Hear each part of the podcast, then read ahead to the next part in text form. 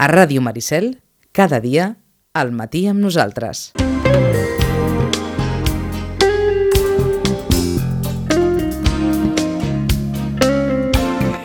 Organitzades per l'Eco de Sitges, les jornades en Repensa Sitges tornen després de l'aturada dels anys 2020 i 2021 per la pandèmia. El programa inclou noms de relleu tant en actiu com retirats, perquè les cinquenes jornades debatran sobre el present i el futur del municipi a partir de reflexions d'agents destacats del panorama socioeconòmic, cultural i polític de la vila, però també de les experiències exposades per casos d'èxit a les transformacions experimentades per la Barcelona Olímpica, la Bilbao del Guggenheim o la Girona Turística. Precisament, Josep Miquel Abat apareix en la fotografia que il·lustra aquesta informació de l'Eco de Sitges al costat del popularíssim, conegut i en un primer moment extraordinàriament criticat Kobe de Mariscal. Saludem el president de premsa de Sitges, Santi Terraza. Bon dia, bona hora. Hola, bon dia, Vicenç. Amb les crítiques que va, rebre, que va rebre el Kobe, mare de Déu. Uh, bueno, acostuma a passar en aquest país. Acostuma a passar, eh? Uh, aquest país és, és de criticar molt, ja ho sabem. Uh, però vaja, això va ser doncs, l'any 87, si no recordo malament, que és quan, quan, quan va aparèixer el Covid, uh, però cinc anys després em sembla que l'èxit inqüestionable dels Jocs Olímpics i el que va suposar per Barcelona va amagar i va, va deixar en oblit qualsevol crítica, que com totes les crítiques no deixen de ser subjectives, entorn al disseny de, de la mascota. Uh -huh. uh, uh, no s'ha viscut res igual, eh? En absolut. Ni a nivell, vaja, com a mínim en l'etapa actual, com a mínim en, en, el, en el segle XX i el que ha estat el segle XXI. La, els Jocs Olímpics de Barcelona, l'altre dia ho comentàvem aquí, els companys de l'ECO, eh, van ser una explosió de felicitat, d'alegria, de satisfacció, d'orgull per part de no només els barcelonins, sinó de tots els catalans, per que s'havia aconseguit fer un esdeveniment mundial, doncs, un èxit, i que, a més a més, doncs, que el conjunt de la ciutat i el conjunt del país doncs, en van ser els, els, els, els ambaixadors. Des del primer moment de la inauguració, quan recordes quan es va fer eh, la Fura dels Baus, eh, aquell sí. hola, aquell hola sí, sí, sí. magnífic, allò ja va començar també que doncs, durant tots els 15 dies que van passar posteriorment doncs, va ser un, un èxit rere l'altre. Potser probablement perquè les grans coses, no sé si dic que només succeeixen una vegada, les grans grans, eh? I, i que aleshores, per molt que, que s'intenti repetir pel que sigui, no es donen eh, tots els condicionants, o potser no encaixen tantes peces, o potser perquè en aquell moment en van encaixar moltes, com deia, com deia Santi Terraza, unides per aquest entusiasme, per aquesta efervescència eh, general de, de la societat i de, i de les persones que gestionaven l'esdeveniment i de les persones que ostentaven el poder en aquell moment, diguem-ne que, que tot gairebé es va conjurar, eh? Sí, eh, exacte, hi va haver, doncs, sobretot el que hi va haver és rigor, el que hi va haver és ambició, el que hi va haver és capacitat de visió i hi va haver també consens i a més a més doncs, probablement també, i cal dir-ho això, avui en dia doncs, també hi havia una classe política que estava en uns nivells que probablement doncs, estaven molt superiors a la classe política que tenim actual. Mm. Vaja, el mateix alcalde de Barcelona, el mateix president de la Generalitat o el president del govern central, doncs eh, qualsevol comparació crec, amb l'actualitat crec que, que resulta prou evident. No? Mm -hmm. eh, però, però vaja, això que estaves dient, de que només una vegada pot passar una cosa extraordinària, potser tan extraordinària com l'organització i l'èxit dels Jocs Olímpics, potser sí, però és que tant Barcelona com Catalunya, com de fet Sitges, ha tingut coses extraordinàries en diverses etapes de, de, la, de la seva història. Eh, el, mira, l'altre dia quan entrevistàvem a l'ECO el Jordi Baget deia, escolta, a Sitges passen coses molt importants cada 30 anys. Eh? Eh, els, ara fa 30 anys que va passar l'última, doncs, que va ser la, la reconversió de la planta hotelera i l'aposta pel turisme de congressos, eh, conjuntament precisament doncs, amb l'impacte i amb l'empenta que va suposar els Jocs Olímpics del 92, eh, però si ens, anem, ens en anàvem 30 anys abans, doncs va ser els Sitges de, de, dels, del, dels festivals, el Sitges turístic, Eh, és a dir, cada, cada X temps, les ciutats, les poblacions necessiten, necessiten una certa empenta i necessiten una excusa en ocasions, a la seva Barcelona li ha passat moltes vegades, ja li havia passat doncs, amb les exposicions del 1888 o del 1929, doncs que de vegades necessiten una excusa, un esdeveniment, per tal doncs, que jo sigui un element revitalitzador i que el que faci doncs, és eh, de motor i actuï de motor doncs, d'una transformació en positiu. Mm -hmm. M'ho ha posat també en Santi Terraza, que és inevitable que ho pregunti. Ha vist el llibre de Jordi Baget? sí, sí, sí. I què tal? Eh, eh, home, molt interessant, el que diu és molt interessant, eh, perquè parla del passat, parla del present i sobretot parla del futur. I, i a més a més doncs, ho fa amb ambició i crec que és important doncs, que hi hagi eh, polítics en actiu o polítics que havien estat en actiu que parlin amb ambició i a més a més doncs, que, que tinguin idees i que s'arrisquin, perquè és que sovint eh, l'èxit acostuma a venir de la mà de la gent que s'arrisca. És a dir, quan hi ha un excés de prudència, doncs, bueno, les coses poden anar a funcionar, però, però quan hi ha un risc, doncs, doncs et pots equivocar, evidentment, i el Jordi Baixet, per exemple, es va equivocar en algunes coses, eh, que també resulten evidents, però en tot cas doncs, eh, és interessant i és necessari que, que hi hagi risc i per tal doncs, d'anar a fer bullent l'olla i per tal doncs, que puguin arribar a passar coses interessants. Faig una petita derivada aquí, eh, apel·lant al coneixement professional que té Santi Terraza de l'edició de llibres. Eh, eh, aquest llibre mm, d'editar val un petit capital, eh? Una miqueta. Una miqueta. eh, és clar, a una persona basada en, en això, és que ens ha cridat molt l'atenció, ens ha cridat molt l'atenció. És un llibre francament molt ben editat, mm -hmm. molt ben editat, per ser, diguem-ne, presentat pel seu autor d'una manera tan modesta com el recull d'uns pensaments que, que s'han anat enfilant. No?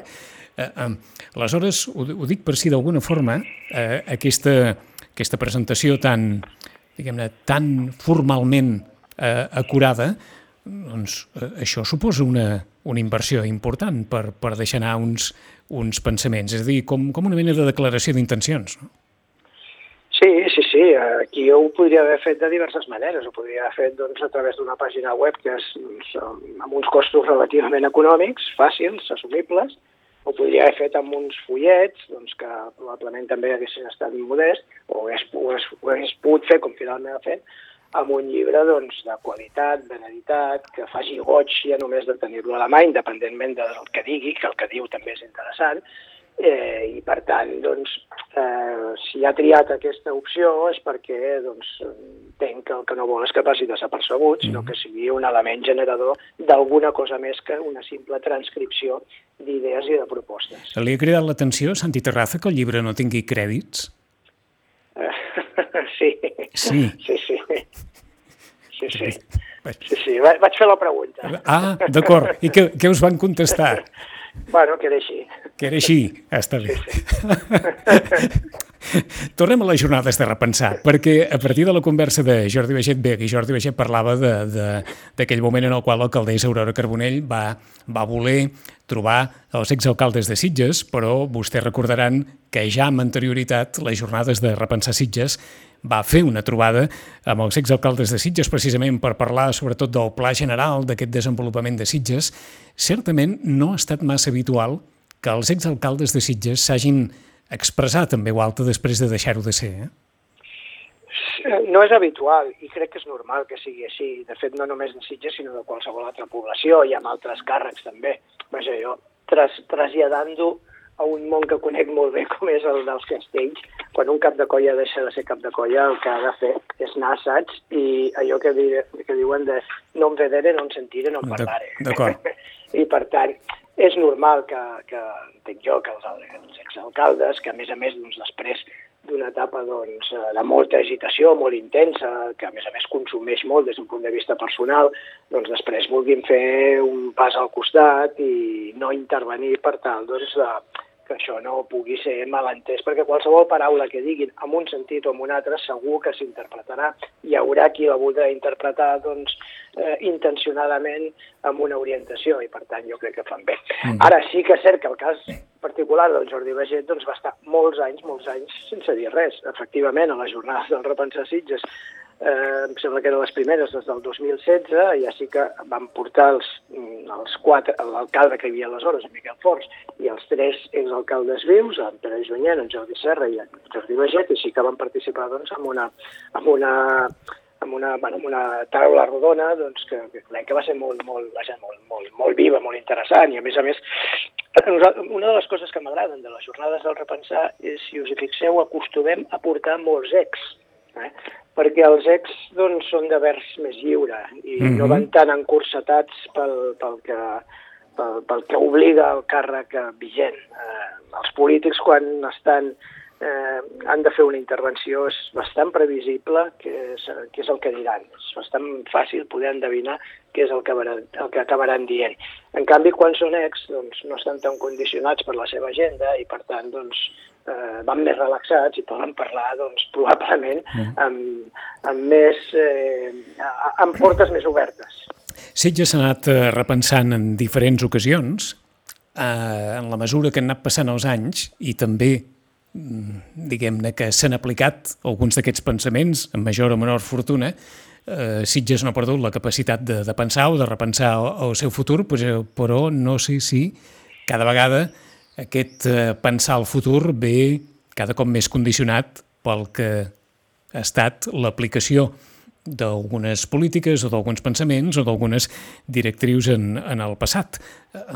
Precisament ara molt segurament es plantegen davant el desenvolupament de la, de la plana i Santa Bàrbara si hi ha molt a repensar eh, vist que, que el que ja es va aprovar l'any 2006 i per tant fa 15 anys o 16 eh, doncs ja es fa evident a la plana i a Santa Bàrbara i per tant poques coses es poden canviar. Perquè he pensat eh, eh l'ECO en models urbans d'èxit i si d'alguna manera ens podem emmirallar encara amb determinades transformacions urbanes que han servit per, per impulsar en aquest cas el, el model Barcelona i sobretot el model Bilbao, que era una ciutat fosca, grisa, industrial, en la qual ningú hi pensava directament en un focus cultural.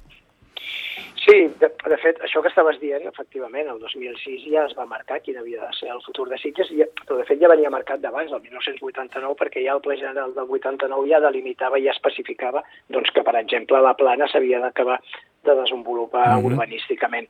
I, tot i així, tot i que tot estigui dibuixat i dissenyat, encara hi ha molt marge eh, per...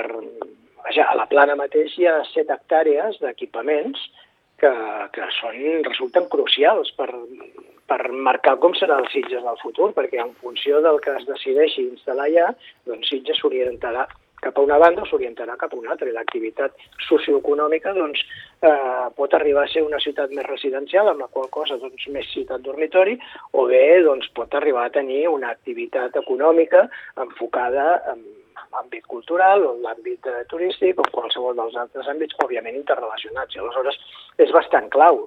No només eh, la plana, també l'aquàtic paradís, doncs, que fa 30 anys, 40, 35 anys que està ja mort de fàstic també és un mhm. altre dels temes doncs, que vaja, jo crec que, que clama al cel que es pugui arribar a pensar i a fer alguna cosa, i el mateix camp municipal d'Aigua Dols. Eh, bueno, també s'ha de decidir, escolta'm, es vol fer un gran centre, un hub internacional de congressos que a més a més reforci eh, que és el, el Festival de Cinema com una de les principals mm, activitats que es realitza a Sitges i que a més a més doncs, permeti doncs, eh, potenciar un una activitat econòmica de qualitat que, que, que, que, sigui, que estigui relacionada també, que sigui integrada en el municipi. Bueno, hi, ha, hi, ha, hi ha moltes opcions encara i, i encara hi ha molt a repensar. I, per tant, el problema és que tot el que no es faci ara, clar, el problema és que des de que es comença a repensar fins que es fa, Eh, avui en dia acostumen a passar doncs, ben bé 8 o 10 anys, com a mínim. Uh mhm. -huh. I aleshores tot el que no es faci ara vol dir doncs, que anirem esperant més, més, més a poder recollir els fruits. No? El que està clar és que, almenys partint de, de la visió del programa de les jornades, aquest repensar és un repensar que incideix molt en el model econòmic, deixant de banda també el, el model urbà, però en el model econòmic i amb especial atenció a allò que fins fa quatre dies era un debat de tothom enmig de la pandèmia, que si no podem ficar tots els ous de, de la nostra economia en el cistell del turisme, sinó que, que això s'ha de diversificar. Aquesta sembla una tendència cada vegada més evident en el pensament de la majoria de professionals, no? És que Sitges no té una altra opció només. Sitges eh, només pot decidir si vol ser una ciutat residencial o vol tenir una activitat econòmica que fonamentalment ha d'orientar-se entorn del turisme. A partir d'aquí és quan sí que es poden fer els matisos. Eh, els matisos doncs, poden ser quin tipus de turisme es vol i com de quina manera s'ha d'administrar aquest turisme, si ha de ser un turisme fonamentalment de sol i platja o bé hi pot haver un turisme doncs, que repercuteixi en el conjunt de l'activitat econòmica i el conjunt de la població doncs, de manera més estacionalitzada durant tot l'any i que pugui haver doncs, eh, una potenciació de l'àmbit cultural i dels festivals, per exemple, una potenciació, per què no, d'una població doncs, que sigui receptora d'activitats esportives. Vaja, hi ha, hi, ha, hi, ha, hi ha moltes coses. Ara, el que sí que està clar és que d'entrada o som una ciutat residencial i que per tant no hi ha activitat econòmica i bàsicament doncs, tampoc hi ha gaire vida, eh, o l'única activitat econòmica que podem tenir doncs, és la derivada en el turisme en el sentit més ampli, eh? perquè el turisme no ha de ser només arribar a la platja. Eh? El turisme cultural, per exemple, doncs és turisme també i, ja, ja, ja no hi ha gaire marge, però és que vaja, mm -hmm. això ni Sitges ni qualsevol altra població que estigui vivint eh, amb unes característiques doncs, que ja són conseqüència de, de, de, del passat immediat. Eh, sí que sembla, però, que tothom necessita, o tothom cerca, o tothom persegueix tenir un festival a casa seva o tenir un museu o un centre cultural en un edifici singular que, que tregui, no diré que multituds, però que, que tragui, que, que tregui turisme també. Eh? O sigui que sembla que, que tothom necessita o ha anat a cercar ara um, diferents conceptes que a molts llocs estan funcionant bé i, i no sé si això també genera una, una certa inflació d'oferta que, que també pot, pot condicionar l'economia de, dels llocs on es desenvolupa. Home, hi ha competència, clar. Sitges fa 20 o 30 anys tenia poca competència. Recordo quan es va fer el Palau de Congressos de Tarragona, que això era doncs, a finals dels 90, i que aquí, des del en el sector turístic de Sitges, es va dir, ostres, quina competència, tot el que ens mm. faran. Mm. Bueno, és, és normal, no? Totes les poblacions necessiten posicionar-se. I Sitges la sort que té és que molt, vaja, durant llarg temps ha estat capdavanter, ha estat innovador, ha estat els primers en fer això, els primers en fer festivals, va ser els primers en portar turisme, els primers en apostar pel turisme de congressos. Hem estat els primers en moltes coses, mm, si ara no continuem sent els primers, doncs, eh, vaja, algú altre serà els primers i probablement eh, doncs, eh, perdrem algunes oportunitats i algunes ocasions que després, doncs, tard o d'hora, tindran també conseqüències. Mm -hmm. Algun tema ha quedat pendent en aquestes jornades, en el sentit de l'hora de, de programar i a partir d'aquest lema, com, com dèiem els nostres oients, models urbans d'èxit, tendències Sitges davant de, del futur, alguna qüestió que, que li hagués interessat a, a Santi Terraza qui fos present, però que finalment per les circumstàncies X no ha pogut ser, o, o es cobreix tot el ventall bàsicament de, de temes que creu l'ECO interessants d'abordar? Sí, sí, home, hi ha, hi ha algunes que no han pogut aconseguir i, de fet, la idea inicial era no omplir tant l'agenda els dos dies. El que passa és que quan van començar a sorgir idees, eh, bueno, finalment doncs, el 80% es van poder materialitzar i per això ens ha quedat una, un programa que és dens, divendres, aquest divendres és només al matí, després el divendres vinent és matí i tarda, uh mhm. -huh. però sí que hi havia, mira, dos casos que, que ens van agradar molt i que, que, bueno, que vam intentar i no va ser possible. Un és portar l'alcalde de Màlaga. Màlaga és una oh, ciutat que és un exemple, és un exemple per Sitges. Eh? Màlaga és una ciutat doncs, que fa 20 o 30 anys, home, la gent hi anava a Marbella, a Torremolinos, sí, sí. tota la... però Màlaga com a tal, doncs, home, no tenia gaire cosa, no? Com deia aquell, eh, i... què, què està passant a Màlaga? Exacte, Màlaga doncs, ha fet una aposta per la cultura bestial amb un alcalde, per cert, del Partit Popular, és a dir, que això també demostra que, que, que la ideologia no sempre eh, arriba a ser un condicionant determinant, però vaja, ha fet tot un estol de museus, de centres escènics, de festivals, que en aquests moments doncs, és una de les ciutats exemplars d'Espanya. I això, això té una repercussió econòmica brutal eh, i de qualitat. mm, molt positiva per a la ciutat. Doncs el volíem portar i, bueno, per la seva agenda finalment no va ser possible, ens van oferir que vingués un tècnic, vam considerar, doncs vaja, que això havia de ser l'alcalde, que era qui realment tenia el projecte. I, I després un altre, que és bueno, més eh, també interessant i a més a més mediàtic, doncs ens, ens, ens hagués agradat portar l'alcalde de Vigo, no? Ah, mi, és que m'ho he, he pensat, però sí. dic, ara, ara sortirà l'alcalde de Vigo. Clar, l'alcalde de Vigo, doncs, bueno, és el mateix, no? Jo, qui, qui anava a Vigo abans? a banda de los lunes al sol, que van anar a, a rodar la pel·lícula, doncs, i, bueno, això que ha fet per, per Nadal és, una, és un exemple també molt, molt, molt interessant. I, lamentablement, va, ens va dir que, que de cara a l'any vinent ho intentarà, i va, esperem que, que, que, que pugui ser. De tota manera, també tinc una certa sensació que l'alcalde de Màlaga és una figura més discreta, que queda darrere del projecte de Màlaga com a ciutat, i en canvi a Vigo gairebé l'alcalde s'ha convertit també en una peça més d'aquesta sí. venda de, de la ciutat a través de la iniciativa del Nadal, eh? Sí, sí, és, un, és una aposta molt personal seva. També el cas de Màlaga doncs, està molt vinculat a l'alcalde, però, però vaja, probablement és un, més transversal, però uh -huh. en el mhm. cas de Vigo és vaja, un alcalde que guanya amb el 67% dels vots. com, com ell és una po cosa... Pocs alcaldes, deu, pocs alcaldes deu haver Espanya, eh, amb el 67% sí, dels vots. Sí, absolutament, i amb una població de les dimensions de Vigo que eh, vaja, és, és, és, és un personatge que realment ha aconseguit doncs, situar Vigo en el, en el mapa. Mm -hmm. 11 i 8 minuts, una qüestió final. Per totes aquelles persones que es vulguin acostar a les jornades, eh, l'entrada és gratuïta? Cal alguna inscripció prèvia? Eh, l'entrada és gratuïta, sí, sí. Eh, per tant, tothom que, que vulgui pot venir. Eh, el que sí que demanem, aconsellem, és que, que la gent escrigui un correu prèviament, doncs, bueno, per allò de portar un control, que és uh -huh. repensar sitges arroba l'ecodesitges.cat. D'acord i indicant el, el nom, el municipi de residència i eh, si vol venir, doncs quins dies vol venir, si tant el divendres 20 com o el divendres 27 o tots dos dies. Però en tot cas, sí, sí, la gent pot entrar, sortir, és, eh, des de dos quarts de deu d'aquest divendres al Calípolis. Uh, anava a dir, hi ha hagut canvi d'emplaçament, de, eh? Sí, sí, no per res, eh? bàsicament perquè, bé, per donar joc i en tot cas sí que buscàvem de no perdre la centralitat, això uh -huh. és mhm. cert, i per tant facilitar a la gent doncs, que pugui anar a peu i que estigui al centre, doncs, que ho tingui més fàcil, però, però, però vaja, es tracta d'anar anant-ho combinant.